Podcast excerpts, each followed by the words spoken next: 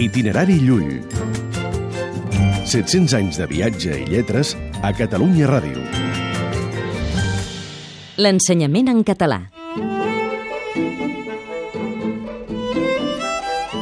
L'ensenyament, segons defensava Llull al segle XIII, s'havia de fer en llengua vernacla, el seu català. Al començament, hom ha d'ensenyar al seu fill a llegir en vulgar allò que aprèn, per tal que entengui el que llegeix.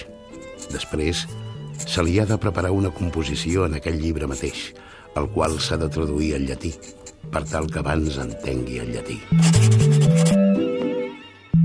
L'accés al llatí, l'anglès de l'època, ja arribaria quan la primera llengua hagués estat ben apresa. Itinerari Llull.